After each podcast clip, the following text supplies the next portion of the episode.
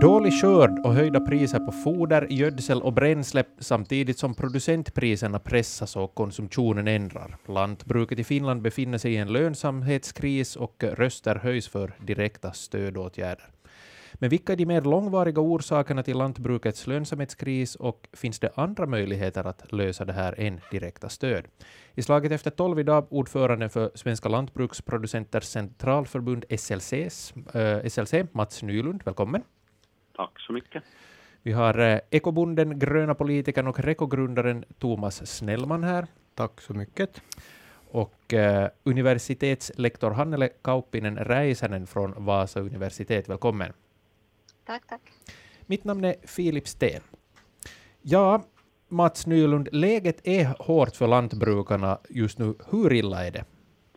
No, det är verkligen illa. Den senaste statistik vi har så var PTT som för två veckor gav ut en prognos som visar att jordbruksinkomsten sjunker med 20 procent innevarande år och orsakerna är uttryckligen de som redaktören nämnde. Dålig skörd i kombination med stigande förnödenhetspriser och sviktande marknadspriser. Och för nästa år förutspår man en, en eh, sänkning av lönsamheten med 8 procent. Och det här samtidigt som man också räknar med att priserna i handeln på mat kommer att stiga. Det här visar på att vi har obalans i livsmedelskedjan. Och nu är det dags för åtgärder och det är hög tid för det. Och hurdana åtgärder vill du ha då? I, I, första hand så talar vi uttryckligen om marknadsåtgärder. Här, här är det inte krispaket som är lösningen, utan här är det att hela kedjan tar sitt ansvar, alltså att man ser över helt enkelt kontraktskulturen, förhandlingskulturen mellan detalj, detaljhandeln som är den starkaste parten här, den förädlande industrin och jordbrukarkåren. Det säger sig självt att om böndernas inkomstpris sjunker och matens stiger så är det någon däremellan som så att säga skor sig och, och, och tar en större andel. Och när man tittar på hur företagen har gått till exempel de här sista åren så ser vi att det är inte den förädlande industrin som har gått väldigt bra utan det är uttryckligen detaljhandeln som går bra. Thomas Snellman, eh, om jag frågar nu dig till först i egenskap av bonde, hur går det för ditt lantbruk? Uh, för egen del så, så är jag rätt nöjd. Alltså jag tycker att uh, min situation egentligen de här sista 25 åren har varit ganska, ganska stabil och konstant. Att, att, att det är kanske lite att svära i kyrkan, men jag upplever att lönsamheten är helt acceptabel. Vad beror, det, vad beror det på att det går hyfsat för dig? Då? Det, man kanske kan säga att, att jag har lite valt min egen väg. Alltså, eh, under he, hela min aktiva karriär på 40 år så har jag hela tiden blivit för, eh, sagt att man ska förstora, bygga ut, rationalisera. Men jag har valt att inte göra det. Eh, och det här eh, betyder det att, att jag kanske hör till det här, eh, om man ser på tre grupper, de små jordbrukarna så kan liksom med, med, med manuella insatser sköta ganska mycket. Där stora kan via strukturen få vissa eh, lönsamhetsfördelar. Men den här mellangruppen, så, så, som, som inte är tillräckligt stora för att täcka de här investeringarna. Eh, så det är oftast de som hamnar i det här eh, skottgluggen. Men helt klart, nu har jag också under min aktiva karriär kämpat med, med e-, e-, ekonomin och Eh, speciellt när jag liksom på 80-talet eh, byggde, flyttade ut med nyskifte och satsade rätt så stort. Då, så, så när jag kom ur det så tänkte jag att aldrig mera. Och med facit på hand tycker jag liksom att, att jag har valt ganska rätt väg utgående från de premisser som finns. Mm.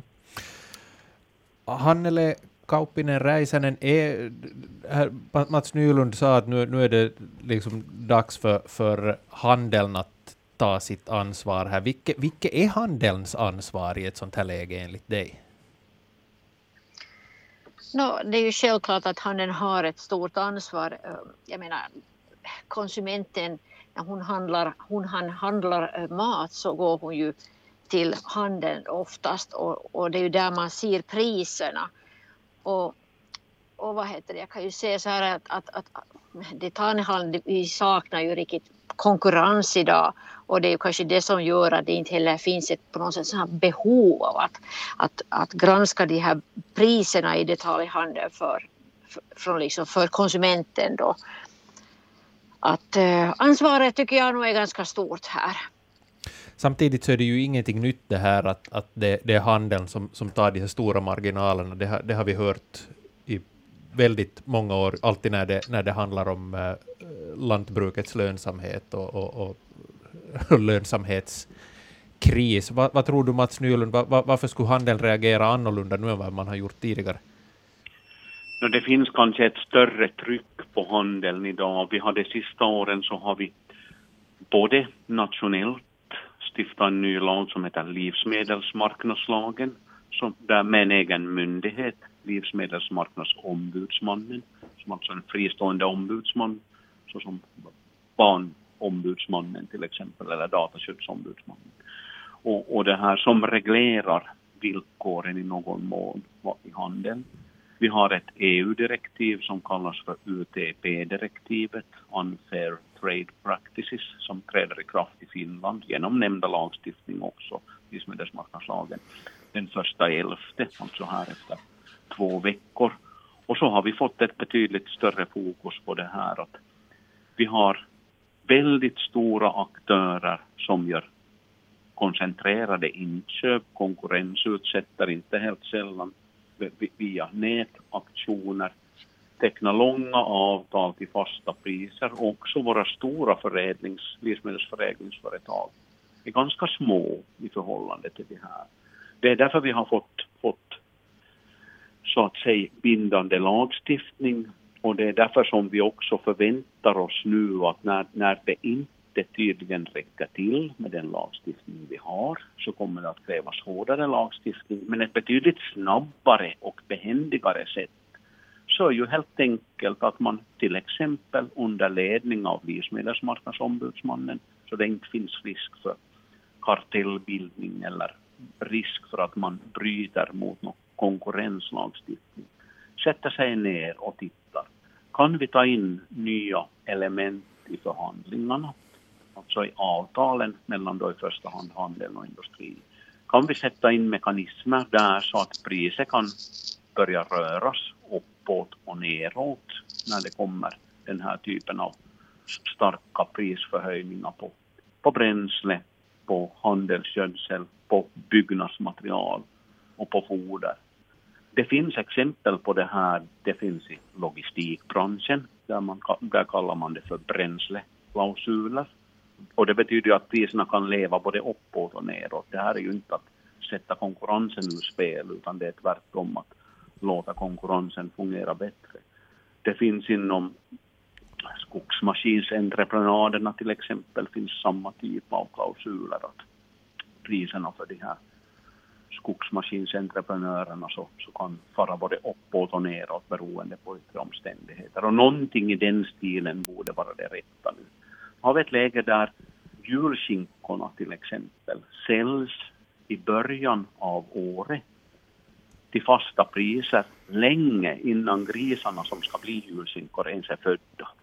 Ingen kunde förutspå den här prisförhöjningen när man sålde årets julskinkor och nu vet vi att för svinfarmarna så är läget ganska prekärt. Men vad, vad, vad, tror ni, att vilket är handelns intresse då att gå med på, på några sådana här förändringar? Vad tror Thomas Snellman? Eh, jag tror att egentligen så är hela jordbrukssektorn är en pantfånge i det här, en systemutveckling. Alltså om, om man, det här är ett, ett problem som inte bara drabbar Finland. I, I år är det speciellt Finland eftersom det här skörden är som den är. Men, men det är så små marginaler på den här produktionen att, att minsta störning, vilken den än må vara, så, så kan vara katastrofal för en, en enskild jordbrukare. Så att eh, det är, för att liksom på, på lång sikt råda bot på det här så måste det liksom ske en form av paradigmskifte. Jag, jag liksom, när jag varit runt i världen och diskuterat med folk, så i princip så tampas man med samma problem överallt. Och det, det är egentligen, eh, bönderna liksom, har ingen handels, ha, ha, ha, handlingsfrihet. Alltså de, är, de, de har ofta har de kontrakt att leverera till.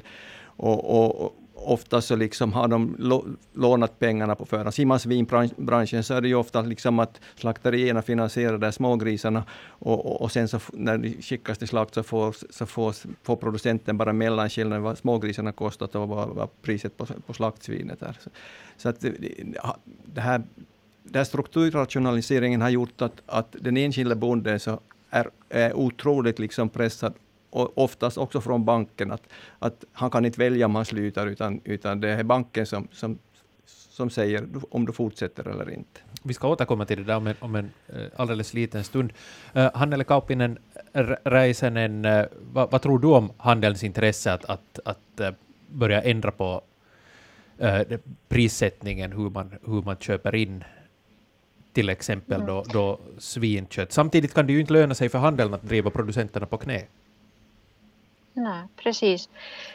Jag tror att här är liksom från konsumentens sida, alltså, eller från handelssidan, så tror jag att här är många, många frågor. Jag är ju speciellt eh, konsumentforskare och, och jag skulle vilja säga att det, det handlar liksom också om att kunden på något sätt, vi som konsumenter, vi har en möjlighet också att kräva.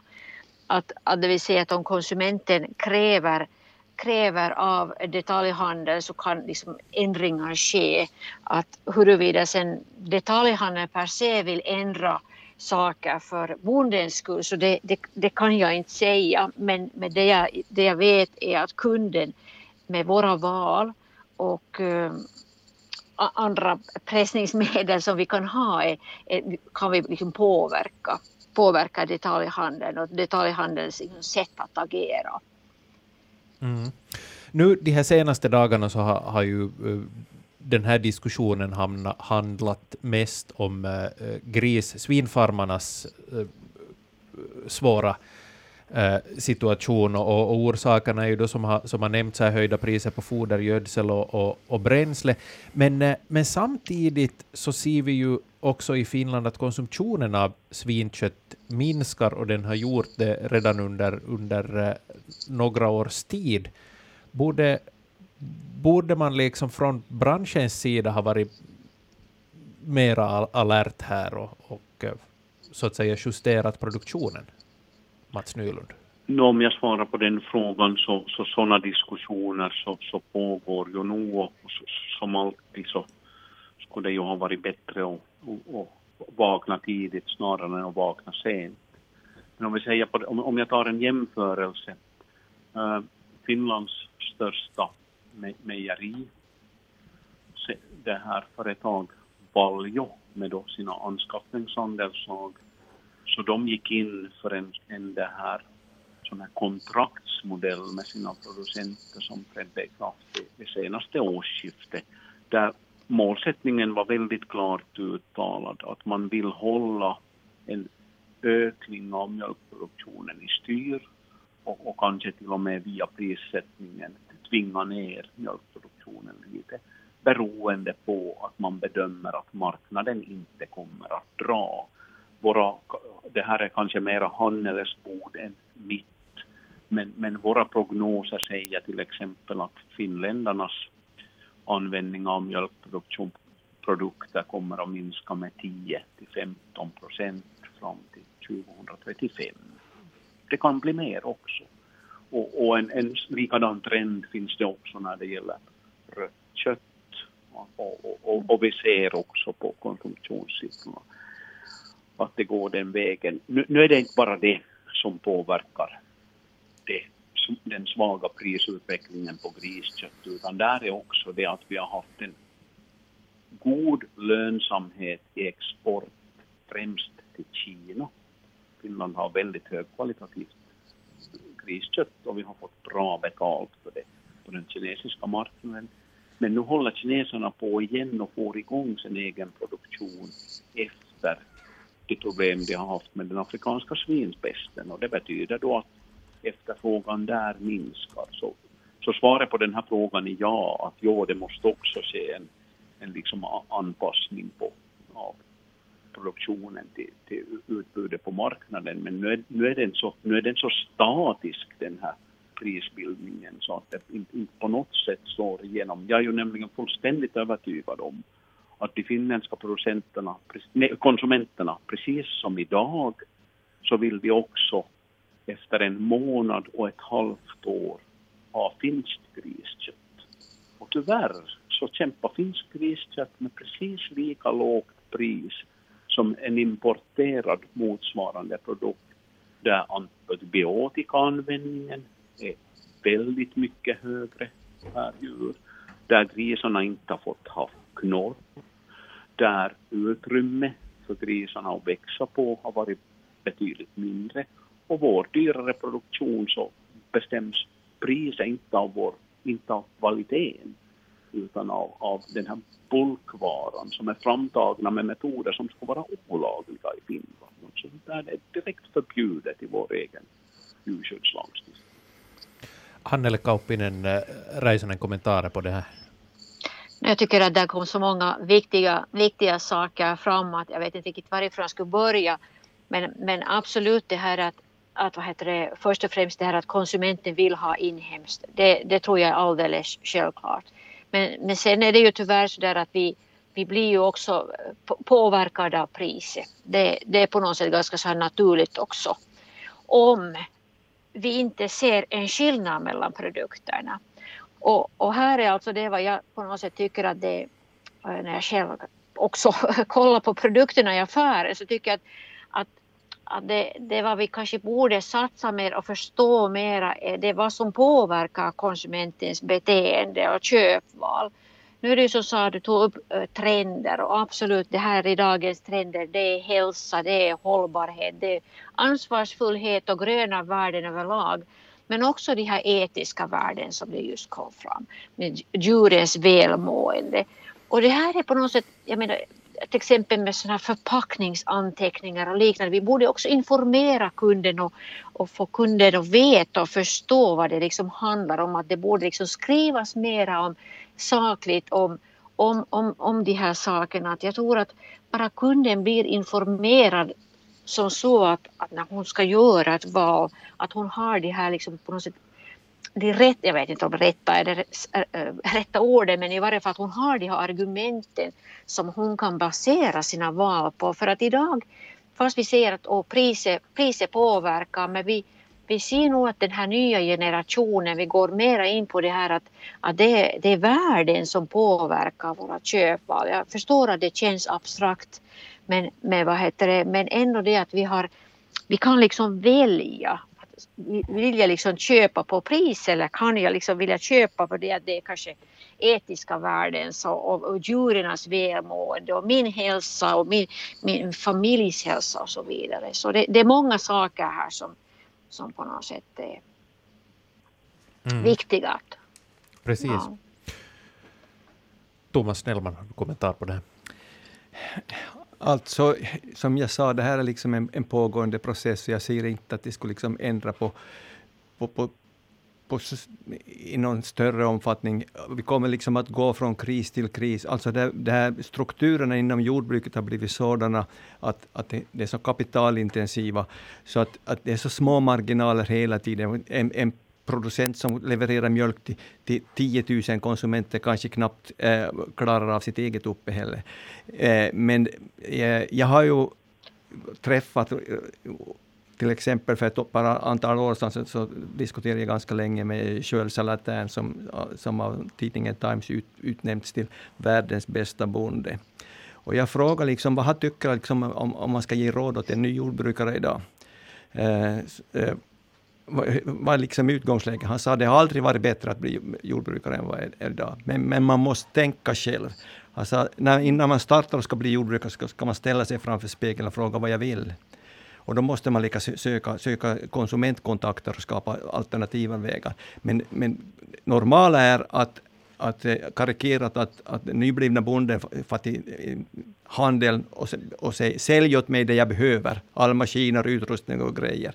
Och, och, och, från första början så blir liksom skuldsättningen så, så, så omfattande, så det finns inget rörelseutrymme mera. Och samtidigt blir strukturen så stor att, att det finns inte liksom tid till eftertanke och, och, och, och liksom förändring i produktionen. Man, man, eh, när, man, när de nya bönderna satsar så, så kräver det så en enorm arbetsinsats. Så att, att det, och sen satsningen är gjord så är det för sent. Så att, att det här är liksom, att, att få en förändring till stånd så, så är det en fruktansvärt långvarig process. Men någonstans måste det börja och, och jag tror att det måste börja underifrån. Är det, är det så att man, man, i, i lantbruk idag, det krävs stora, stora stöd för att man ska klara sig och för att få de stora stöden så krävs det investeringar och, och, och med det då de stora skulderna som kommer på köpet där så att säga?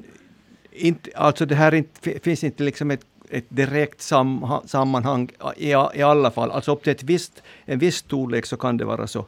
Men det visar sig att de allra största gårdarna så, så tappar det här konkurrensvärdet, för de blir lite, lite, lite tröga och hinner inte, hinner inte sköta, köta om. Och vi, det är ju ganska länge sedan vi tappade egentligen renodlade Eh, familjejordbruken i Finland. Eh, vanligen är det här storsatsande, så de har ju anställt folk och det kommer folk från, oftast från andra länder, från öststaterna som arbetar på de här stora mjölkgårdarna och svingårdarna. Eh, och, och, om man utgår ifrån den officiella statistiken så har ju de anställda betydligt högre timlön än, än bönderna själva. Mats Nylund, har vi ett strukturellt problem i lantbruket i Finland?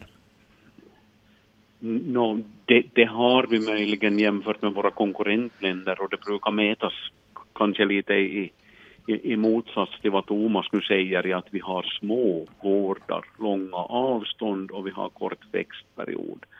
Men om jag skulle nämna några här, sådana här saker, alltså vad, vad vi egentligen talar om.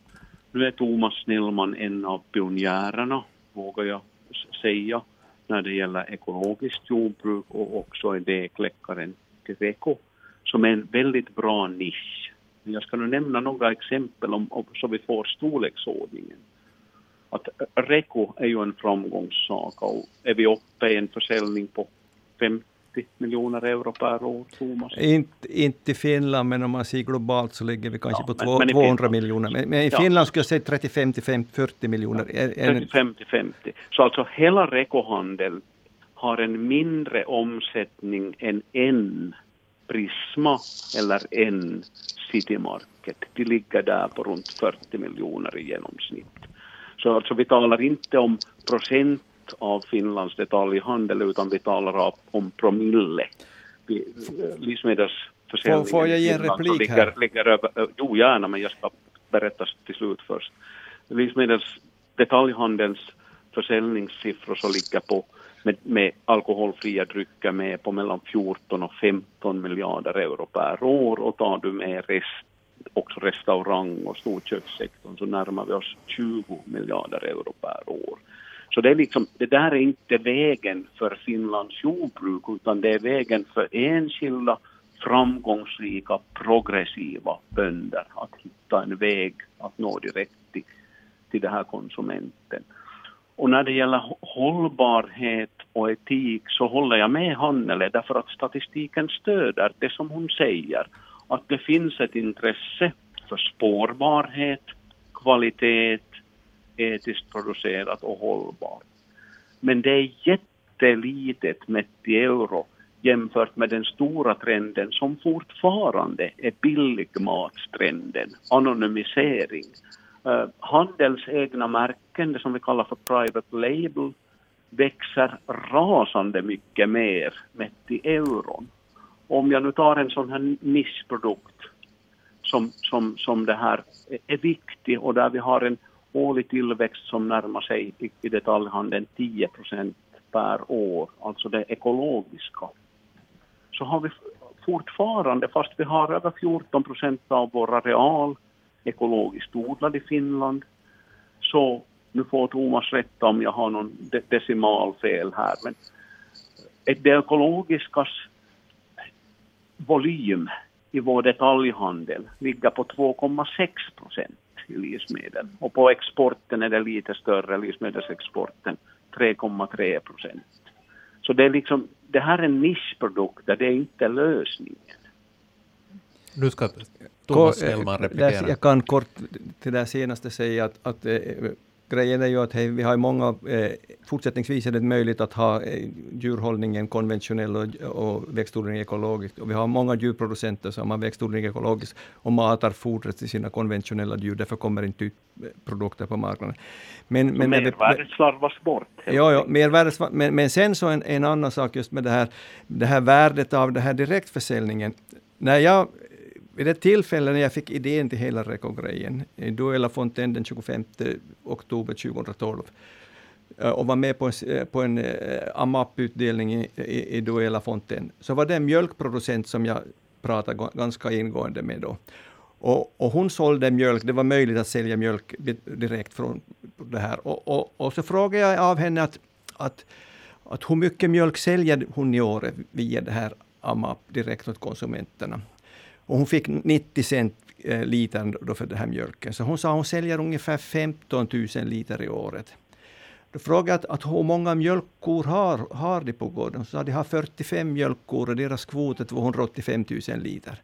Så frågade jag av henne att, att, att är det mödan värt att komma hit och sälja 15 000 liter om ni levererar till mejeriet 285 000 liter?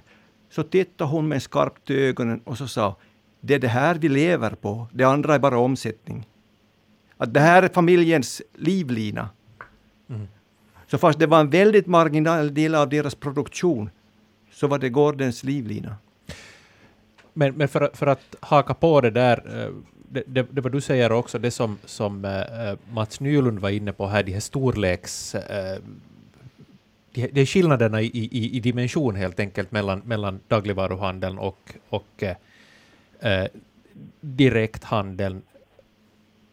Hannele, Hannele Kauppinen Räisänen, kan, kan det här liksom kan den här direkthandeln få en större betydelse eller, eller är det liksom dömt att vara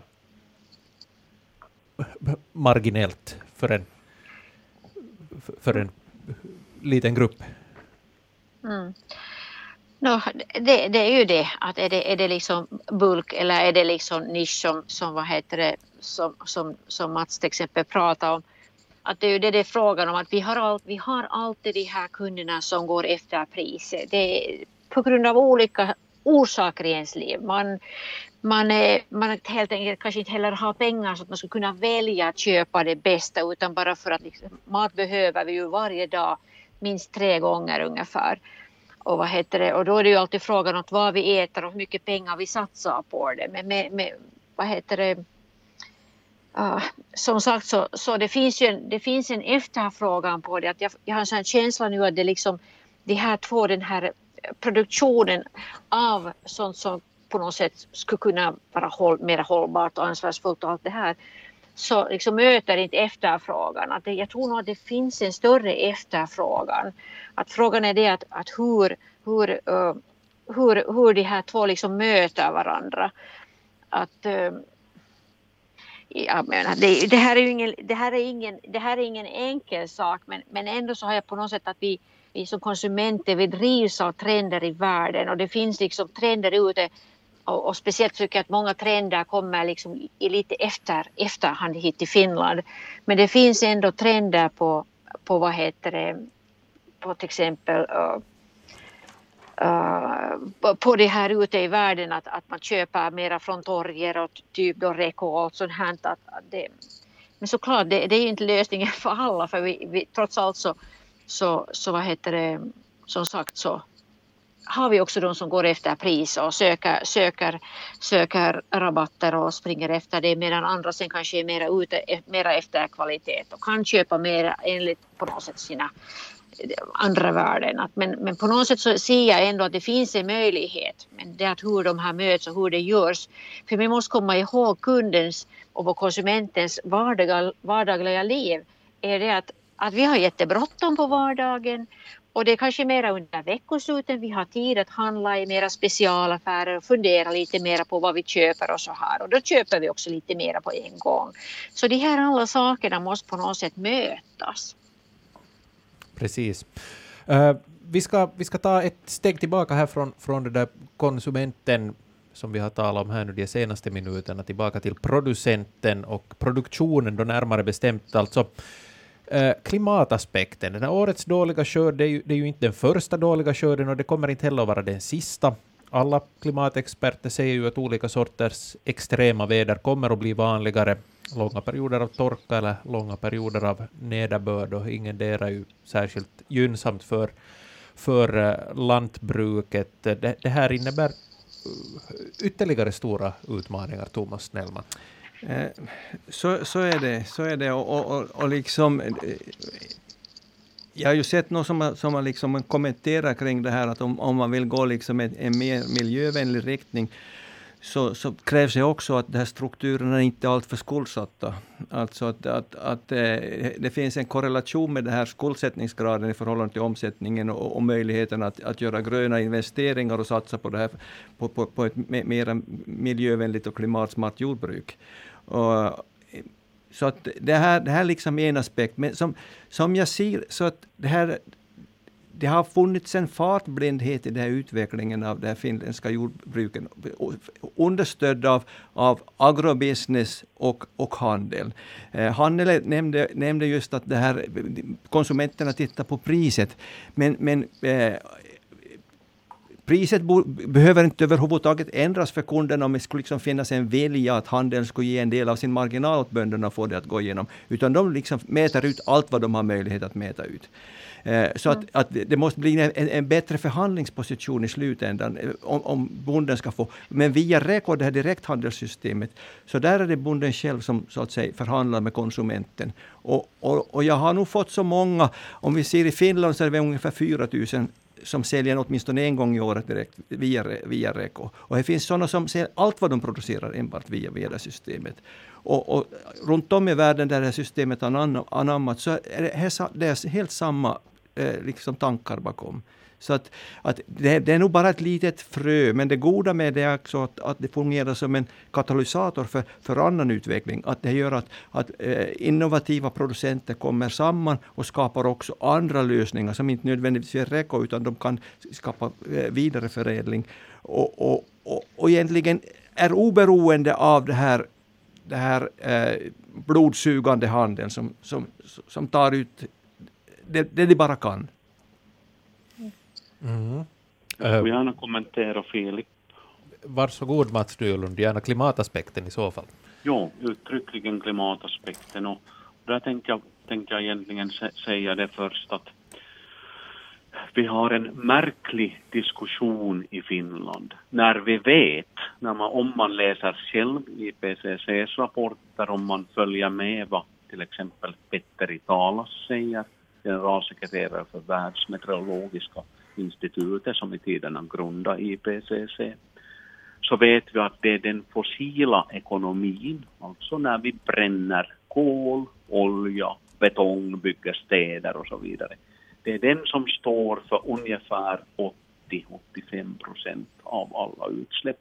Men i Finland så snurrar diskussion runt den gröna ekonomin, den som bygger på kolets kretsgång via fotosyntesen i de gröna växterna alltså jord och skog. Och det vi borde fokusera på i jordbruket, så det är just vår andel i den fossila ekonomin, för vi är inte befriade från den. Vi använder handelsgödsel som framställs med fossila bränslen. Vi bränner brännolja i våra traktorer som också är fossila bränslen. Och där ser jag lösningen. För jo, bönderna är de som tar den första smällen när klimatförändringen kommer, i Finland åtminstone. Det finns andra länder där det svämmar över så att man får betydligt mer drastiska och akuta effekter. Och, och där är förnyelsebar energi som vi kan producera på gårdarna i form av biogas, i form av solceller till exempel på, på byggnadernas tak och vi kan bli bättre på att lagra kol i marken. Men allt det här kräver pengar och det går inte att göra sådana här klimatinvesteringar om kontot är tomt och om det visar rött i bokföringen. Och det är liksom vårt gemensamma ansvar och det är vår stora utvecklingspost. Men att sätta fokus på rätt saker och inte försöka strypa jordbruksproduktionen som det kommer från, från det här visst politiskt håll problematiken så stödjer jag, liksom, eh, ut, eh, utvärderingen av problematiken stödjer jag helt. Alltså jag, jag är helt inne på samma linje, att vi måste fokusera på det här minskningen av det här fossilberoendet inom, inom jordbruket. Eh, sen, sen så har ju SLC och MTK eh, gjort en egen vägkarta för det här, för det här klimatförändringen. Och man, man tycker att de borde mer aktivt köra framåt, typ den här mellanmodellen, att få finansiering för att, att genomföra den Eh, att det, det, det borde ju liksom eh, vara, vara en bra utgångspunkt i, i det här sammanhanget. Och, och då, då ska liksom för offentligheten och konsumenterna också se att, att, att man strävar dit. Och hur långt man når, det är sen en annan sak. Men, men, men eh, till exempel i min egen kommun Pedersöre så står, eh, har ju jordbrukets del av, av det här klimatbelastningen CO, är ju nästan hälften enligt den här HINKO-utvärderingen. Och, och det här Eh, det, vi borde liksom kanske gå in på gårdsnivå och se vilka modeller som är de mest eh, miljöklimarta. Eh, kan ha åsikter idag, men man borde så att säga gå igenom. Och det är ganska enkelt att liksom fastställa eh, klimatbelastningen per, per producerad kilo och så bortåt, totalt sett. Jag kan säga om, om det där exemplet med Pedersare och Pedersares klimatbelastning att det där beror helt och hållet på att vi har ett jättesnurrigt sätt och mäta klimatutsläpp. När vi talar om det riktiga problemet fossila bränslen så då mäts det vid skorstenen eller vid avgasröret. När vi talar om den gröna ekonomin, den där kolet cirkulerar, så då mäter man det på åkern och inte där, där utsläppen sker, nämligen när man äter maten och den förbränns. Så det är ju därför en kommun med stark jordbruksproduktion får på pappret stora koldioxidutsläpp som de facto eh, sker i, i de stora konsumtionscentra där maten äts. Och det, det här är både över min förmåga att ändra och över Thomas förmåga att ändra. Men det är bra att vi är medvetna om det, att det där är en synvilla. Alltså, delvis håller jag med om att det här är ett, ett redovisningssätt, men samtidigt vet vi också till exempel att... Det pratar vi, ta, talar vi om, om, om fossila eh, bränslen inom jordbruket, så är absolut övervägande del som, som kommer från konst, konstkvävetillverkningen. Eh, och sen transporter. Eh, inom, inom jordbruket. Men, men det betyder ju att, att vi borde fokusera på de här viktiga aspekterna i det här sammanhanget eh, och se att vad, vad, kan vi göra? Och det här blir liksom ett väldigt akut problem för tillfället eftersom eh, naturgaspriset har gått upp, är det tolvfalt på ett år och gjort att konstgödselkvävet har eh, två och en halv gånger dyrare än, än vad det var för ett år sedan. Eh, så det här, det här är liksom ett problem som, som akut drabbar bönderna som ytterligare nästa kris. Som I den här ekvationen som en, där inte liksom eh, marginalerna är obefintliga från förr. Nu börjar vår sändningstid eh, dessvärre ta slut här, men jag vill ändå här till sist fråga Hannele Kauppinen Räisänen, att så här då, man talar om, om lantbruk i, i kris, uh, har, har man forska någonting i hur det här påverkar konsumenterna? Leder det till en, till en större medvetenhet på, på konsumentnivå? Och hur tar den sig i så fall uttryck? Uh, jag vet inte precis om det har studerats, inte vad jag, inte vad jag, kan, uh, vad jag själv har stött på, kanske det har. Men, men vad heter det, så här liksom, den här tanken om att, att konsumenten skulle liksom känna på något sätt empati, kanske, kanske vi gör det alltså jag tycker att tanken, tanken liksom bakom finsk, vårt beteende är ändå det att vi vill, vi vill ha finsk produktion. Vi vill ha inhemska produkter. Vi vill ha inhemsk griskött och nötkött och allt det här. Jag tror att det är liksom utgångsläget. Men sen är ju det att vi har konkurrens utom, utanför våra gränser. Att om man inte sen, sen på något sätt äh, möter de andra sakerna som konsumenten vill ha så då, då kan det ju hända att, att kött från, från Belgien vinner om, om den är på något sätt stämplad som, som etisk och det här att jag, så botten så tror jag det är ganska mycket om att informera kunden och på något sätt höja den här positiva bilden av finsk lantbruk och allt som görs och, och precis allt som, som har pratat, som Thomas och Mats har lyft fram här så om, det, om de här liksom positiva sakerna. Det, det handlar mycket om information och kommunikation tycker jag. Där säger vi tack till Hannele Kauppinen Räisänen som är universitetslektor vid Vasa universitet. Tack också Thomas eh, Snellman, lantbrukare och grönpolitiker, och eh, Mats Nylund som är ordförande för SLC. Mitt namn är Filip Sten och Slaget efter tolv är tillbaka i morgon.